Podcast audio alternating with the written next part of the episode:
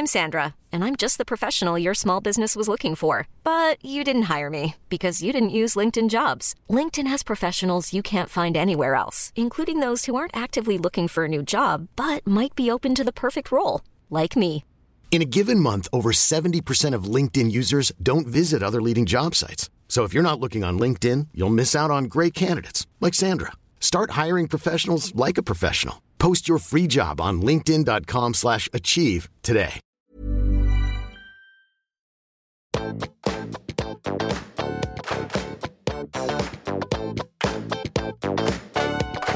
alle sammen, og velkommen tilbake til podkasten Karriereveiledning med Elaine. Ukens gjest han er tidenes eh, fyr. Når jeg la ut at han skulle være med på podkasten, så har jeg fått masse henvendelser eller forespørsler på Instagram. Ehm, det er ingen som har lyst til å fortelle meg noen ting som handler om meg, som jeg syns er helt fantastisk. Det handler om Karar, som er uh, ukens gjest, og hvor fantastisk han er, hvor awesome han er, hvor tvers gjennom hel ved han er. Og rett og slett, Karar, velkommen uh, som gjest. Uh, det har kommet inn sjukt masse fine ord om deg, rett og slett fordi jeg bare skrev en liten sånn Du, Karar kom på podkasten, liksom. Så utrolig hyggelig. Eh, altså, det varmer et ungt hjerte. Er det, er det lov å si det? Du, det er lov å si. Men da må jeg spørre, hvis du tenker at du har et ungt hjerte, syns du at jeg fortsatt er ung? Har jeg et ungt hjerte også? det? Det er kanskje årsaken til at vi sitter her i dag. Eh, det, denne samtalen og den podden handler jo om den samtalen vi har hatt i forkant. Mm, Eh, og vi var eh, så på bølgelengde, og der du tenkte at vi må prate mer sammen. Ja. Så eh, vi, jeg vil si det, altså. Du, det setter jeg pris på. Eh, For vi har jo kommet fra en kickoff med Akademi for personlig trening, hvor jeg har jobbet i ti år. Og du har jo vært med en liten stund. Stemmer. Vært der i Eh, to år nå. Ja, og vi har jo møttes en gang før, men nå satt vi jo til og med ved siden av hverandre som to ramper på bakerste benk. um, og vi, ja, vi klikka skikkelig, og det jeg likte aller best med deg, det var liksom det derre rå, ekte, nære, no bullshit. Det var litt sånn mm. real talk. Så jeg tror vi skal bare starte, liksom dive right in. Um, Karar, husker du hva du ville bli når du var liten? Åh, ja.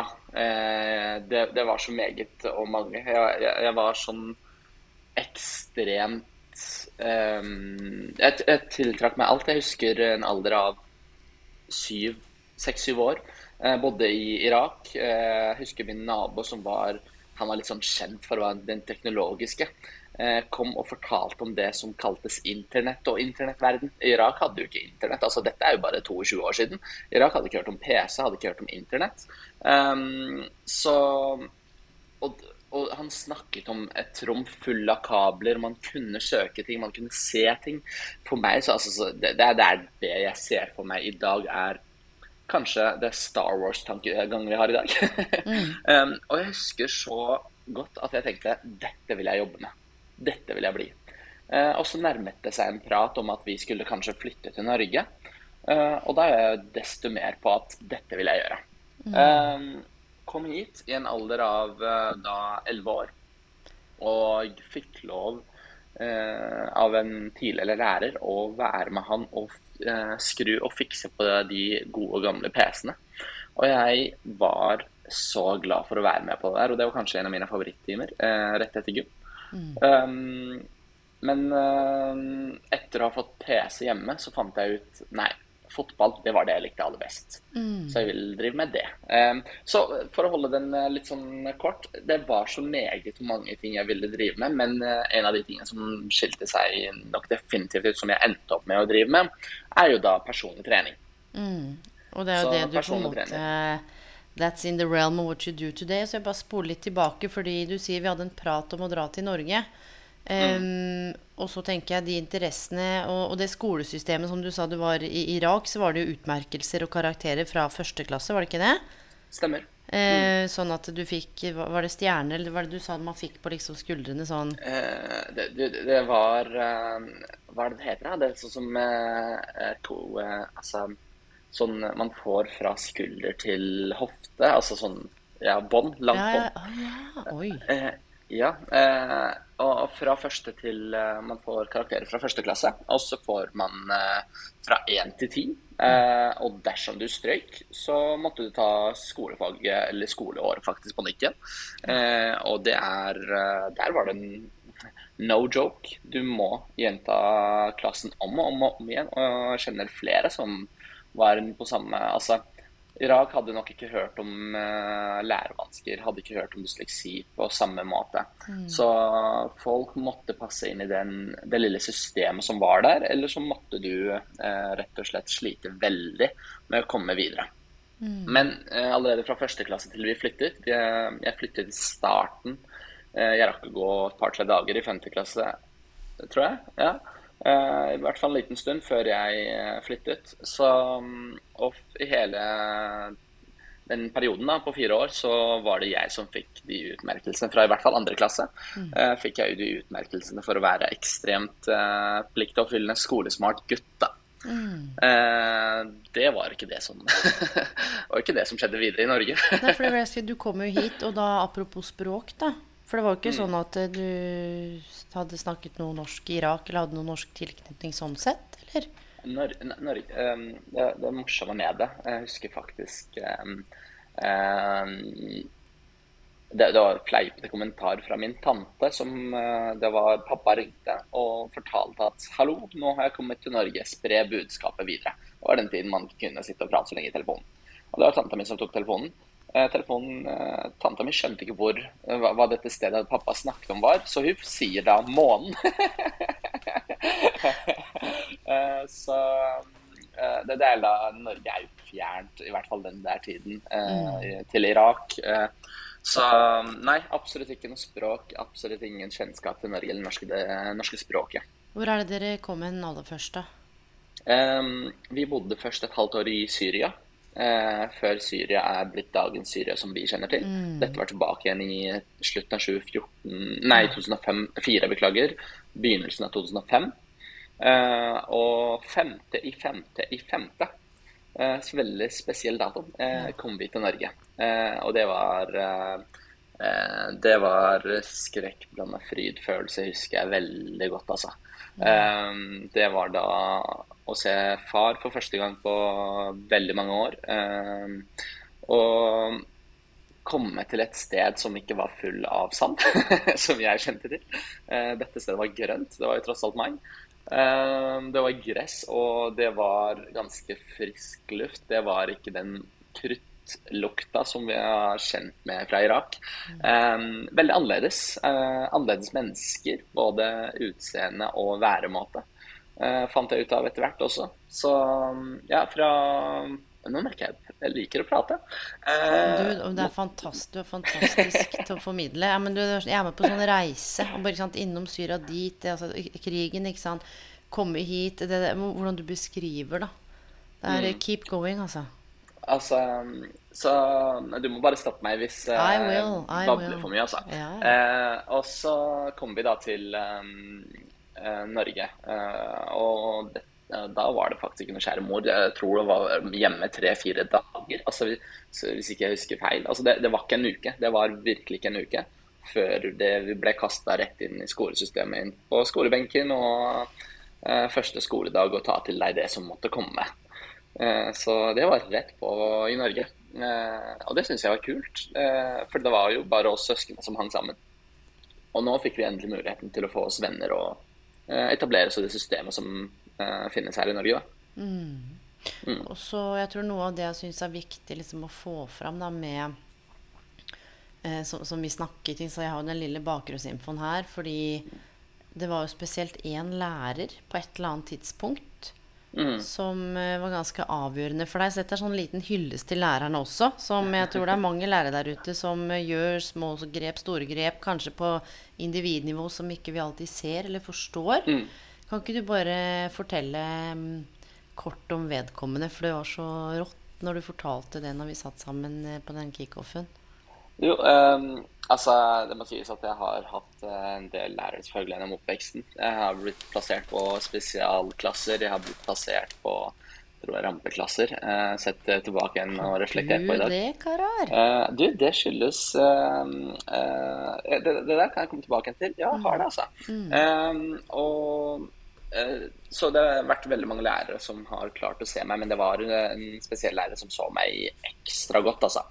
Uh, og den uh, læreren Han var kjent for å være streng. Han var kjent for å være stor, litt sånn ansett nesten som skummel blant andre elever.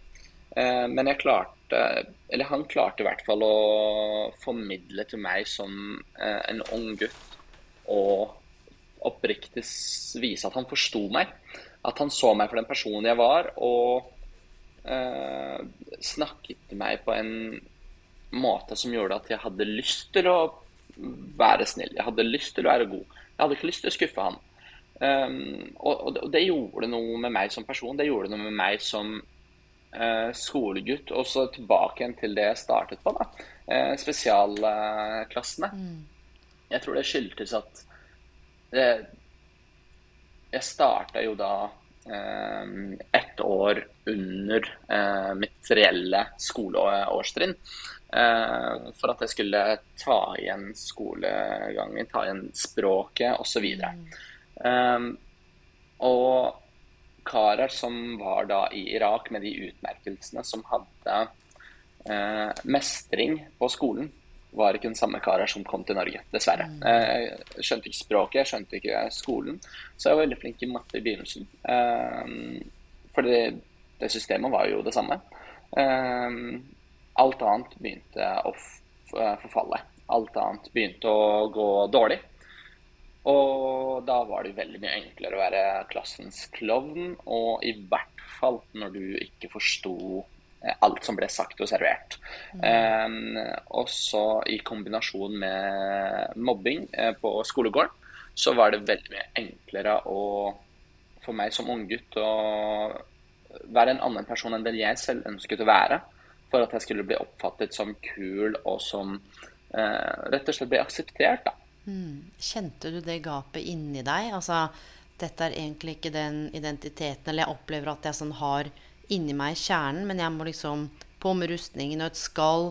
Nettopp det du sier, da, for å finne en annen måte å få dette til å fungere på, eller for å passe inn. At du kjente på en måte det derre gapet mellom hvem du egentlig er, og den du måtte være. Og kanskje hvordan, hvordan påvirka det deg, tror du? Um, altså jeg tror oppriktig ikke det blir feil å si at jeg var relativt reflektert som ung gutt i form av den reisen jeg hadde hatt til jeg var her nå. Mm. Um, og, men til å begynne med så var det ikke en sånn bevisst tanke at det er det jeg skal gjøre. Men det gikk mer og mer og mer for meg gjennom ungdomsårene at det var det som skjedde. Det var den rustningen jeg hadde på meg som du uh, nevner nå. Um, det, det, det, var en masken som var veldig mye enklere å ha på enn å være karar. Ehm, jeg eh, begynte etter hvert å få eh, venner som betyr eh, veldig masse for meg i dagen i dag, og som jeg klarte å være mer og mer meg selv med etter hvert.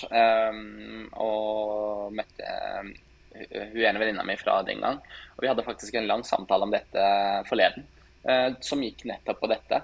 At jeg var ikke den karar som jeg selv ønsket å være.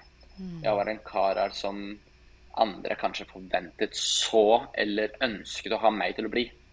Eh, og da var jeg veldig enkel å Jeg var enkel å forme for mange rundt meg, kanskje. Eh, og så var jeg stor og sterk eh, til alderen min å være.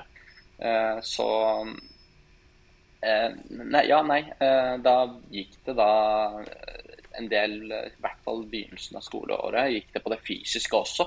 Mm. Eh, at det begynte å bli mer og mer fysisk i tillegg. Hva tenker Så, du når du sier fysisk, da? Altså mm, Når jeg ikke forsto hva som skjedde rundt meg, og eh, jeg følte meg mobbet, eh, det var spesielt av visse karakterer, mm. eh, så var responsen veldig enkel for meg. Det var, jeg var stor og sterk, jeg kan slå. Mm. Eh, og det er nok det som formet meg også mye etter hvert, eh, og den personen jeg har blitt. da. Mm. Eh, fordi jeg husker veldig, veldig, veldig godt en episode. Eh, det var en etter skoletid. Vi, tre venner av meg og jeg møttes på skolegården etter skolen.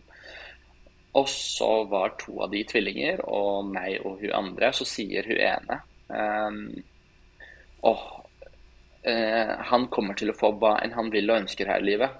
Han er så flink til å prate for seg. Og så bekrefter hun andre. Og så tenkte jeg, husker jeg veldig godt inni meg, men sånn vil jeg også være. Jeg vil også være han som kan få til hva jeg vil og ønsker, basert på hvordan jeg kan prate for meg. Uh, og, og, der tror jeg mye av reisen min til den personen jeg har blitt i dag, uh, også har vært Eller i hvert fall en ganske stødig grunn av grunnlaget. Det mm. totale grunnlaget. Du, dette er så spennende fordi ikke sant, beskriver den reisen din og liksom, to helt forskjellige verdener. Og hvordan man eh, tilpasser seg, gjør ting man ikke vil, blir en man ikke. ikke sant? Det der med tilhørighet og det å være en del av, og liksom, du ikke forstår. Um, og så ble jeg litt sånn nysgjerrig. da, Snakker om flere lærere og rampeklassen. Men hvem eller hva er det som har inspirert deg på din karrierevei? da? For hadde du noen sånne tanker om sant, For å bygge på det du sier nok, jeg har lyst til å være en som kan snakke for meg.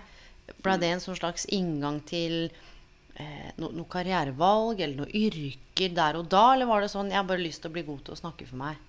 Um, nei, da må jeg nok ta deg tilbake til litt før den tid. Uh, der vi hadde en samtale i klassen. Og så husker jeg spesielt uh, jeg nevnte for en lærer at jeg ønsket å bli personlig trener.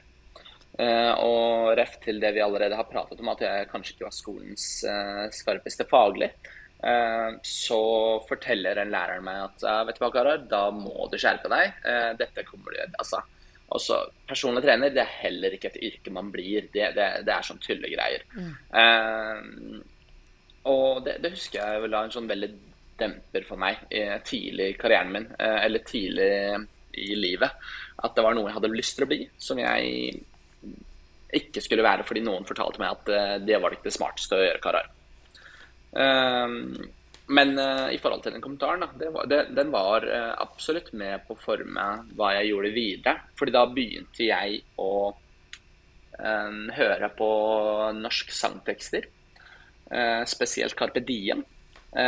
og så, som Carpe Diem er for øvrig et norsk rappgruppe, band, kall det hva som helst, som har satt dype spor i, i meg og det norske den, altså, vet hva, i gåstein, den norske personligheten jeg bærer. Da. det er også via Carpe Diem. Eh, og eh, jeg husker veldig godt at jeg hørte Carpe Diem. og så kunne jeg søke opp deres sangtekster på internett. Og så satt jeg og leste det de sa, for jeg forsto ikke hva som ble sagt. Og så begynte jeg å gjenta etter dem det som ble sagt, og etter hvert kunne jeg nesten teksten utenat, uten at jeg forsto egentlig hva det handlet om. Eh, og så kunne jeg gå tilbake igjen til samme sangtekst tre måneder senere, og plutselig forsto jeg halve. Og så gikk jeg tilbake et halvt år senere, og så forsto jeg tre kvart. Eh, og så gikk jeg tilbake igjen eh, to-tre år senere, og da forsto jeg alt som vi snakket om. og det var veldig med på å forme den personen jeg er. Det musikk og sangtekster, Carpe Diem, altså Erik og Chris, Eh, herreløse. Alle sånn tilbake i tid, alle de mm. rappgruppene Jeg var veldig interessert i hiphop og rapp. Jeg kunne identifisere meg med dem. Hva er det du eh, identifiserer deg med, da? Den gang var det nok den harde, eh, den brutale, den ærlige personen jeg skulle være. Mm. Den personen som kanskje andre ønsket at jeg skulle være, da. Det var det jeg Eh, og så er det jo kjent sak at når du er så ung og hører på hiphop, hører på rap, da er du da er det en kuling. Eh, I hvert fall en harding. Mm. Eh, og nok det som også formet en del av musikksmaken min i dag. ja, men vet du hva som er så fascinerende med å lytte? Fordi jeg husker første gang jeg traff deg, jeg tror det var på Storo. Mm, stemmer. Um, jeg husker jeg så på deg, og det er sånn Jeg er ikke noe menneske Folk er sånn jeg kan lese mennesker. Du, det kan jeg ikke, for jeg vet ikke jeg husker jeg så deg, og så, du har så veldig fine, snille øyne. Uh, så det så jeg, Men jeg også la merke til hvordan du var med de andre menneskene i rommet.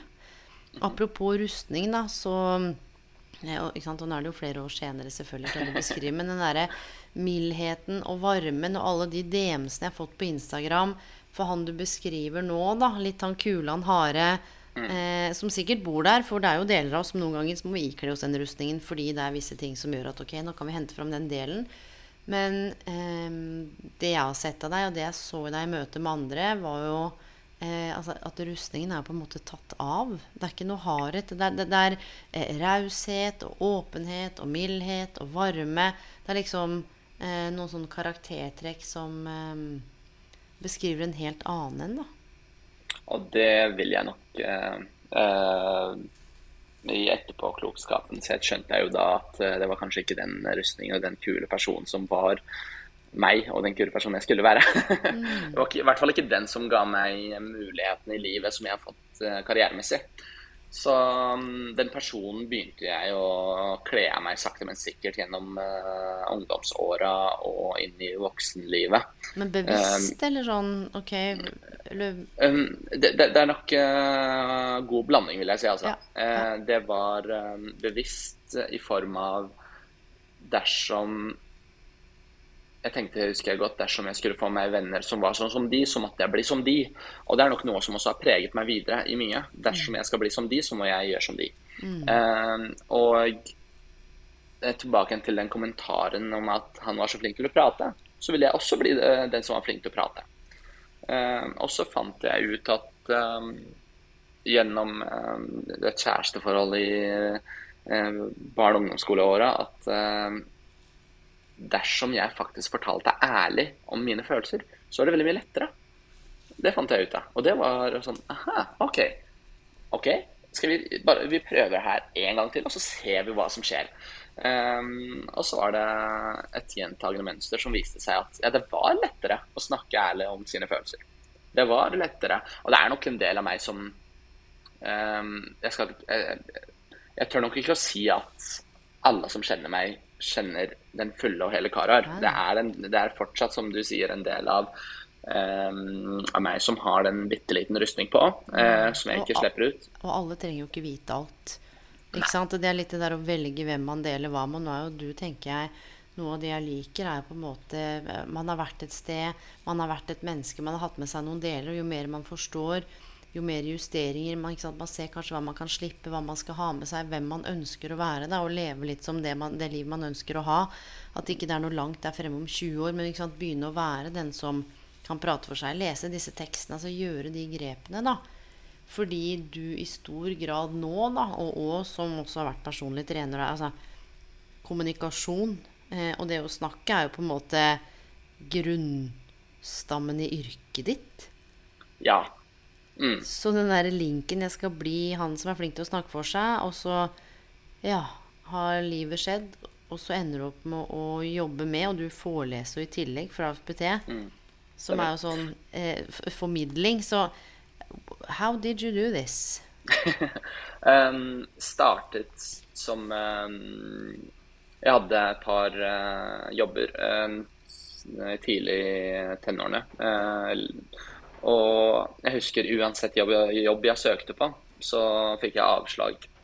Eh, min aller første jobb jeg fikk eh, aksept på, var da en slags intervjuer, da.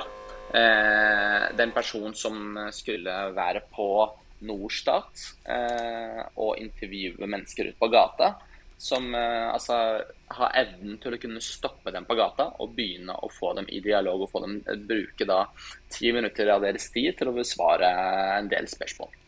Uh, derifra gikk det vel et par måneder før jeg hadde en kollega som spurte Hun sa det at nå begynner jeg som telefonselger, og de søker flere mennesker. Skal du være med? Jeg bare mm, Interesting. Ja, det ble jeg med på. Uh, I hvert fall når jeg fikk høre da at den telefonsalgsjobben det var noe jeg kunne jobbe med hver dag hvis jeg ville.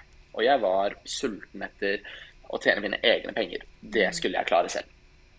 Uh, begynte som telefonselger, og um, jeg har et konkurranseinstinkt uten like. Mm. jeg har så ekstremt høyt konkurranseinstinkt. og da å begynne som telefonselger og være og skal begynne nå å selge et produkt og med et team som begynte å drive med konkurranser. Og begynte å eh, sette på tavla, altså sette mål på tavla og skulle nå de måla. Eh, da, da, da, da, fikk du noe med meg å gjøre. Da begynte var, annet, da var det noe som våkna inni meg. Eh, og jeg begynte å bli en av de absolutt bedre på det teamet. Så begynte å få lov til å ansette mennesker veldig tidlig. Eh, og da husker jeg veldig godt at jeg skulle eh, i gåseøyne ta igjen på de menneskene som mobbet meg. Da var jeg bare 17 år. eh, at jeg skulle sette ut et innlegg på Facebooken min en gang om at eh, jeg har muligheten til å ansette for telefonsalg. Og da var det mange av de menneskene som en gang eh, mobbet meg, som sendte melding. Og da syntes jeg det var veldig gøy at jeg var en av de som kunne velge eh, om de fikk jobb. Mm. Um, og da valgte jeg stikk motsatt taktikk enn det de gjorde den gang. Det var at nå skulle de få jobben. Uh, fordi da var jeg plutselig den kule. Um, og det var noe som jeg kjente formet meg veldig. Uh, spesielt karrieremessig i senere tid. Hvordan da? Hvordan da? Fortell. Det, Dette er jo kjempespennende. Ja, ah. det, det, å gi, uh, det er faktisk å være raus og gi til andre mennesker. gi muligheter til folk. Ehm, det er noe som eh, jeg sjelden har tapt på. Det er den måten det har formet meg på. Eh, så videre eh, kommer jeg en annen kollega igjen innad i samme bedrift som sier at det er et annet byrå som søker dørsalg. Så jeg har jobbet som dørselger i fem-seks måneder. Uh, i banka dører i Oslos gater. Og utallige mange karakterer å treffe på uh, der. Uh, og det som er med telefonsalg, kanskje desto viktigere enn dørsalg, det er at du har så utrolig få sekunder på å kunne etablere en rapport, altså en kontakt med kunden for, før kunden legger på. Og det er sånn essensiell del i salgsyrket. Og det er da det språket kommer inn i bildet. Eh, jeg var kanskje ikke så eh, Du kunne fremdeles høre at jeg ikke var innfødt eh, den gang, men det har jeg jobbet veldig med i ettertid. Så du har og, jobbet bevisst med det? Bevisst. Ja, veldig bevisst med det. At jeg lærte meg Jeg husker i tredje, fjerde, tredje jobben min, fjerde jobben min, så, var, så sendte jeg aldri mail. Uh, fordi da var jeg fortsatt ikke kommet til den fasen der skriftlige delen av meg var like etablert som den muntlige delen av meg. Uh, så jeg jobbet veldig bevisst med språket og tok det bit for bit uh, og lærte meg en del, en del av gangen. Aleine, eller? Aleine. jeg har Har du liksom sittet og terpa på diksjon og uttale? altså... Folk har mer enn nok med liksom grammatikk Litt sånn basic, da. Til å begynne, altså, ja. Ja. Da jeg begynte um, på ungdomsskolen, så ble jeg tvunget um, av en lærer uh, som tror jeg gikk av pensjonen året etter, om å lese boken 'Alkymisten' ah. uh, av Paolo Coelho. Mm. Og den boken har gjort ekstremt inntrykk på meg. Jeg tror jeg har lest den boken fire-fem ganger. Uh, en fantastisk bok. Med, og det var den aller første bok. Uh, det, er, det, er, en bok som jeg skal ikke si annet enn gå og kjøp den dersom du ikke har kjøpt den eller lest den til nå, og les. Eh, en bok som i hvert fall jeg, om, eh, jeg, begynte å kjenne meg igjen i de omgivelsene som blir skrevet i boken, eh, som var veldig interessant for meg. Så jeg begynte å lese bøker. Jeg begynte å høre desto mer på norsk eh, musikk. Eh, hørte veldig mye på eh, uttalelse eh, og måten ting ble sagt på ordspill. Det er jeg veldig opptatt av eh, dagen i dag. Eh, og i, mus i, musikken jeg hører på i dag, så er jeg mer opptatt av tekstene enn det er melodi, sånn som veldig mange mennesker hører på. Jeg er veldig opptatt av melodi. Der kan folk bare være stille for min del. Jeg trenger ikke å være musikk eller instrumenter i bakgrunnen. for meg så handler det om tekst. og det er jo nok en del av de altså de måtene som jeg har etter hvert begynt å ta til meg og gjøre noe med, det er hvordan musikken har eh, og bøker har formet eh, språket eh, mitt videre. Du, det her er sjukt fascinerende, fordi det er nettopp det du jobb, tok jo personlig trenerutdanning for et par år tilbake. Har jobbet som personlig trener. Og nå er det jo du, Kan ikke du bare fortelle oss hva du gjør akkurat den dag i dag? Jo, eh, tok personlig trenerutdannelsen faktisk i 2014, men tok ikke eksamen før i 2018. Eh, fire år senere gikk jeg tilbake for å ta den. Så jeg kom i hvert fall inn i treningsbransjen eh, og forelsket meg i treningsbransjen. Jeg eh, fikk lov og mulighet til å være meg selv. Jobbet i innad i de store skjedene lenge.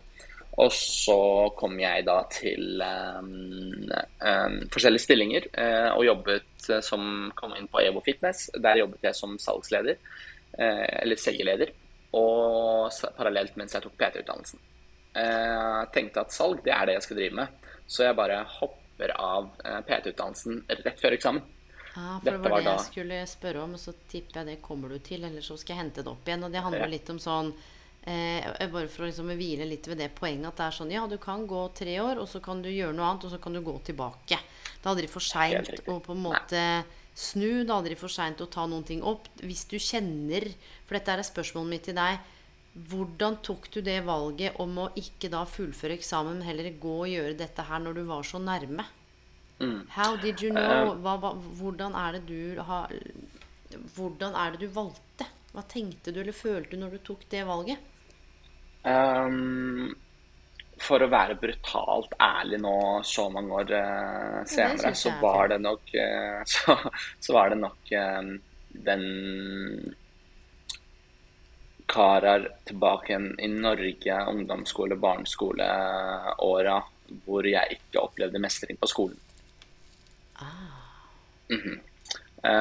jeg klarte ikke Jeg følte ikke jeg klarte å holde følge med de andre på skolen. Eh, jeg opplevde ikke den mestringen jeg selv ønsket å kjenne på. Eh, jeg hadde en oppgave på EVO som jeg mestret utrolig godt. Eh, og da var det veldig mye enklere for meg å bare kunne si jeg velger å fokusere på EVO enn å fokusere på karriere. Så, mens en del av sannheten var at nei, jeg turte ikke å hoppe ut i det og ta en eksamen tilbake til da første jobben min, og det var EVO jeg snakket om. Jeg turte ikke å sende mail i begynnelsen. Mm. Nettopp fordi språket kunne avsløre at jeg var flink muntlig, men ikke skriftlig. Uh, Vet du hva som klikker på plass for meg nå? Fordi jeg spurte jo alle foreleserne sant, helt off the bat hva er ditt beste karrieretips. Uh. Og mange sa jo det samme. Og så sa du, for jeg spurte en gang til, så sa du eh, dette med å oppleve mestring. Mm. Og det er jo selvfølgelig ikke sant, your backstory å knagge det på noe. Hvor, hvor, det, dette, hvor mye mestring har å si. Og en sånn manglende opplevelse av mestring, og så står du overfor noe som du faktisk kanskje er trygt, eller som du også mestrer, og som du også kan sant, potensielt økonomisk.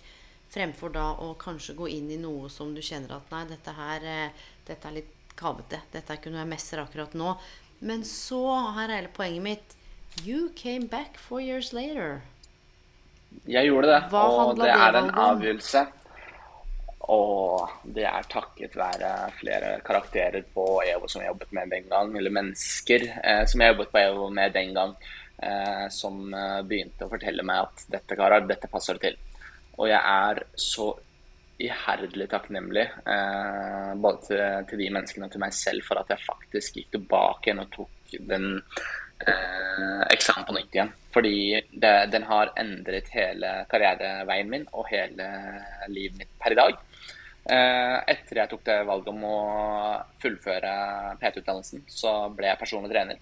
Eh, parallelt med det så jobbet jeg som assistent for, og som områdeleder eh, for Oslo-sentrene. Eh, da med en annen person for tolv sentre i Oslo eh, for EVO. Eh, kort tid etterpå begynte jeg å um, lære opp personlige trenere i salgsyrket. Eh, fordi PT-utdannelsen eh, tar for seg mye faglig. Eh, mangler kanskje en del av det salgselementet i seg. På egen hånd begynte jeg å lære opp mange av de personlige trenerne på EVO og skulle drive med mer salg. Drive med mer salgsrettet arbeid for at de skulle eh, mestre det yrket. Mm. For yrket handler det, eh, Skal du overleve det yrket der, så må du lære deg å selge.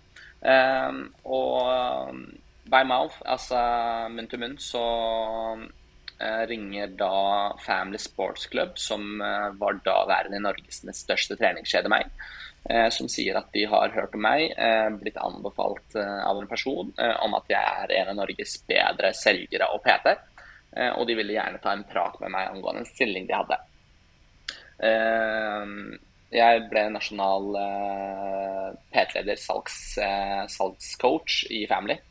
Hadde ansvar for ansettelse, onboarding, opplæring i salg osv. Så, så du, du, du har liksom sittet med alt fra utforming av stillingsannonser til å kalle inn på intervjuer, til å gjennomføre intervjuer, til å onboarde, og til kanskje da exit-samtaler òg, eller? Altså liksom hele pakka, og, opplæringen og oppfølgingen og fra A til Å. Fra A til Å. Um, det var sammen med min um, også satte ekstremt inntrykk på meg en ung, eh, ekstremt dyktig leder. eh, Arne Eilertsen. Eh, dyktig, dyktig fyr som ehm, ga meg mye ansvar og sa dette klarer du, dette fikser du, ring meg hvis du trenger hjelp. Eh, Så jeg sitter med hele prosessen. Alt fra opplæring, alt fra eh, onboarding, calling til intervju. sant? Hele den prosessen til eh, da, som du sier, til exit-delen. Og rett og slett ha en samtale med mennesker som, der du måtte fortelle at vet du hva, dette passer ikke. De passer ikke sammen. Du må dessverre gå. Så hatt hele den prosessen her. Eh, Ja, for du er jo 28. Stemmer. Eh, kom inn i Family som 25-åring. Og da hadde jeg jo ikke noe annet utdannelse enn personlig trener. Nei, for dette her er også derfor jeg ville ha deg på podkasten. For vi begynte jo å snakke om dette med identitet og dette med ikke sant, Snakke litt om allmennkunnskapskompleks. Og da med dobbel master og dobbel eh, ikke sant, alt mulig. Og eh, i aviser står det hvis ikke du har mastergrad, så kommer du ikke inn i arbeidslivet. Og ikke sant. um, og så sa jo du sånn Men hei. Eh, det handler jo om hvem jeg er.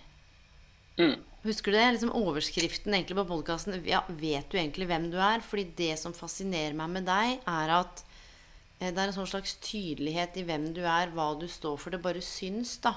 For nå jobber du Du er jo ikke i Family nå. Nå er du På Avancia.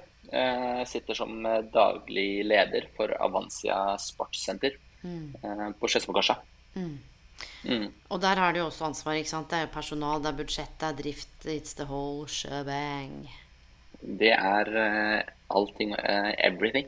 Everything. Og så tenker jeg sånn her um, Til de som lytter, da.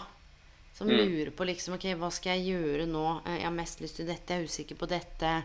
Uh, for veldig Ikke veldig ofte, men av og til så snakker jeg med folk som tenker sånn åh, jeg må bare ta den masteren her. Og så sier jeg sånn du, Har du lyst til å ta den masteren? Så sier de sånn Nei, egentlig ikke. Men jeg tror bare at jeg får meg ikke jobb hvis ikke jeg gjør det.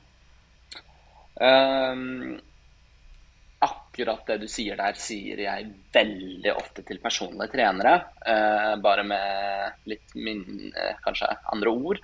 Uh, de snakker ofte om å ta neste PT-kurset, eller neste eh, trinn inn i personlig utdannelse for at de skal klare å få flere kunder, snakker de ofte om. Og da sier jeg ofte dette handler ikke om neste kurs, dette handler om hvem du er og hva du putter i det eh, som avgjør hvordan dette kommer til å gå for deg. Eh, og det var noe som jeg merket med meg selv veldig tidlig, at jeg søkte så ekstremt mye større enn kanskje mine omgivelser tillot meg å drømme. Eh, jeg søkte mer, jeg ville ha mer. Så jeg husker godt jeg kom som 19-20-åring inn til eh, en av mine ledere på eh, Elexia den gang, som, der jeg fortalte at eh, nå går jeg over til EVO. Eh, Jeg fikk en eh, eh, selgerlederstillingen på EVO. Eh, Og det var det dummeste. Jeg var ikke klar, og det var ikke måte på. Eh, Og da var responsen min veldig enkel. Eh, Den gang så, jeg, forstår nok ikke hvorfor jeg sa det. Jeg har en annen refleksjon over det i dag. Den gang så sa jeg eh, om Altså, for meg så er det enten jobbe for deg eller bli som deg. Da i form av ha samme stilling som deg. Eh, og jeg hadde en annen tankegang ved det, tror jeg, den gang enn den refleksjonen jeg sitter med i dag. Og det var nok den personen i meg som ønsket å drømme, og den personen i meg som ønsket å leve, som ønsket det store og det større. Som ønsket å ta sånne sjanser. For det handler om å ta sjanser. Du kan mm. falle gjennom, og det, du kan eh, eh, få Eh, Altså, det glasset som Eller det bildet som du prøver å male for andre, uh, det, det, der kan, det kan sprekke. Men uh, du må tørre å ta de sjansene for at du skal i det hele tatt kunne klare å gjøre jobben. Du, kan vi si at det er i hvert fall ett sånn konkret karrieretips fra deg?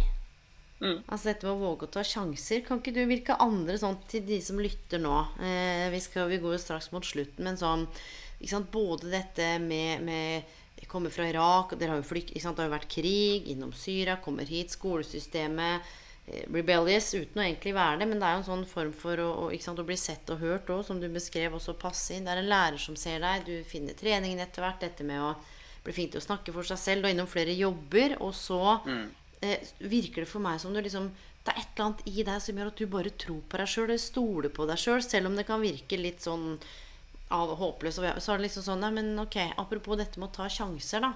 Så hvilke andre karrieretips, hvis du ser tilbake på din karrierereise, har du erfart hvor du tenker sånn åh, Hvis noen bare fortalte meg liksom disse to-tre tingene her, så, så, så, virker det ikke så stort, så vanskelig, så uoverkommelig, så voldsomt. Jeg, jeg, jeg, vil faktisk bare bruke det siste som du sa der, på akkurat det til neste karrieretips. Um, det med flink pike-syndrom i gåsetegn, da. Uh, som har at folk i dag ønsker å rekke over så mye før de opplever mestring. Det er, det, de skal få til så iherdelig mye. De må nettopp ta den masteren, de må få den jobben, de må ha den utdannelsen for at de skal klare, å oppleve, klare å oppleve mestring. Eh, begynn å lære deg selv å oppleve mestring ved de minste tingene du klarer å utføre. Uh, mestring leder til mer lyst til mer arbeid. Mestring leder til uh, mer mestring, og mestring er et ord som jeg er veldig glad i og veldig opptatt av. Uh, det gir deg motivasjon til arbeid. Det gir deg motivasjon til å stå på selv de dagene du ikke har motivasjon til å jobbe. Og, og, og, det for meg er en veldig fin ting. For det var en av de tingene som jeg sa til deg når du spurte meg første gangen om karrieretips. Så sa jeg ha motivasjon til å gjøre jobben selv på de dagene du ikke har lyst til å gjøre jobben. Mm. Uh, så opp, uh, lær deg selv å oppleve mestring. Uh, hvordan gjør man det, da? Hvordan, hvordan, lærer noen seg Hvis man på en måte tenker sånn det utopiske, jakten på det perfekte. ikke sant? Perfekte mm. partneren, perfekte karrieren, få ut potensialet sitt. ikke sant? Hvordan skal man da finne mestring i hverdagen, i de små tingene som virker så meningsløse, da? Til de som lytter, også hva Men er ikke det å mestre liksom, jeg, skal, jeg skal ikke gå i dybden uh, på noe jeg ikke vet hva jeg snakker om her, men for meg selv i hvert fall nettopp, så, uh, For meg selv så var det det, det Mestringen begynte med at jeg begynte å skrive ned dagens gjøremål nedover i et ark, punkt for punkt. kontakte Elaine, sende den mailen, ringe den personen. Og så sjekket jeg av én ting av gangen. Eh, og så lærte jeg meg selv at jeg trenger ikke å gjøre alle disse oppgavene i dag. Mm. Dette var sånn nice to have, need to do, nice to do. Mm. Litt sånn nice to have-varianten. Eh, og satte strek med hvor jeg var fornøyd. Mm. Og så sørget jeg alltid for å gjøre én ting mer enn der jeg var fornøyd. For da opplevde jeg mestring. Da visste jeg at jeg hadde gjort um, alt jeg Ja at jeg, alt jeg skulle, og enda en ting. Du, Karar, det der er jo superkonkret og egentlig ganske enkelt å eksekute fra og med i morgen. Fordi jeg spurte deg, og dette visste du ikke at jeg skal spørre om før vi tok opp, eh, hva er det folk skal eh, føle eller tenke etter de har hørt på episoden med deg? Mm. Hva er det du sier da? Eh, ganske enkelt. Jeg håper du gleder deg til i morgen etter å ha hørt det her. Eh, og det jeg legger i det, det er at har eh, elleve år gamle karer som kommer fra Irak, som ikke forsto noen ting, fått det til så langt i livet. Eh, elleve-tolv år senere. Eh, og sitter i de posisjonene jeg sitter i, og fått til de tingene jeg har fått til, så vet jeg at du klarer å få det til. om du kom til Norge for to år siden, Vel, om fem år siden, så, om fem år, fem år siden, sant? fem år fra i dag, så er det et helt annet sted. Eh, ta ting for deg bit for bit. Om du har bod, vokst opp i Norge, om du er norskenfødt om hva enn du identifiserer deg som, gjør jobben, stå i det. Og jeg kan garantere deg, har jeg fått det til, så vil du få det til. Karar, eh, tusen takk for at eh, du tok deg tid. Jeg tror vi skal kanskje lage en episode til med deg hvor vi snakker om nettopp de rekrutterings- og ombordingsprosessene du har vært i òg. Eh, for der kan det være mye læring. Men akkurat for nå så tenker jeg sånn Ta sjanser. Dette med mestring. Eh, den lista di, det å, å, glede seg. Og det også er et valg, da. Nettopp fordi man er jo med på å kontrollere hva en lar seg påvirke av og ikke. Og ikke Ja, for, for bare hvis jeg kan avbryte unnskyld her og si at alt er jo trening.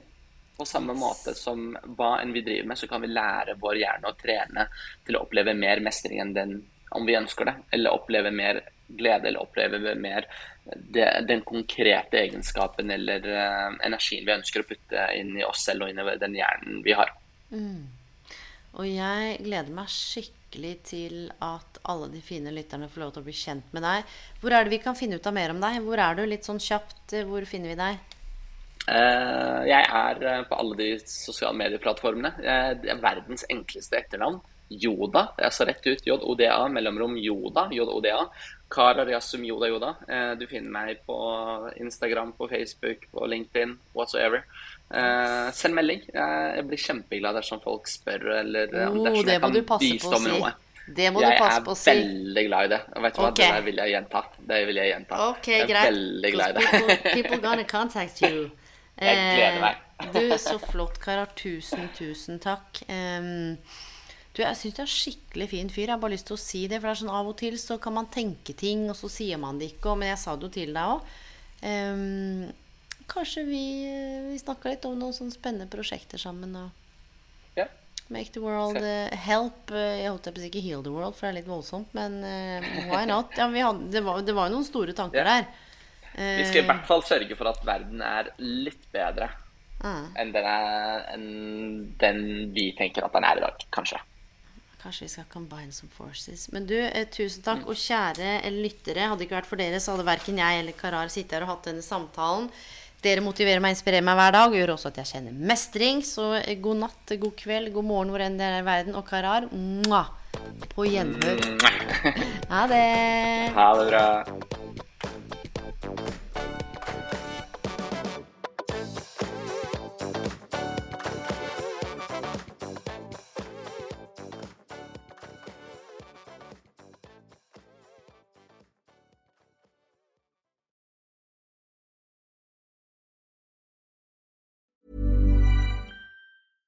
My business used to be weighed down by the complexities of in person payments. Then, Tap to Pay on iPhone and Stripe came along and changed everything. With Tap to Pay on iPhone and Stripe, I streamlined my payment process effortlessly. Now I can accept in person, contactless payments right from my iPhone. No extra hardware required. What's truly remarkable is how I can cater to all of my customers' payment preferences. Whether they're using cards, Apple Pay, or other digital wallets, Tap to Pay on iPhone and Stripe ensure a smooth checkout experience every time. And it's not just me. Stripe helps businesses of all sizes, from local markets to global retailers, scale quickly and stay agile. To learn how Tap to Pay on iPhone and Stripe can help grow your revenue and reach, visit stripe.com slash tap iPhone. Ever catch yourself eating the same flavorless dinner three days in a row?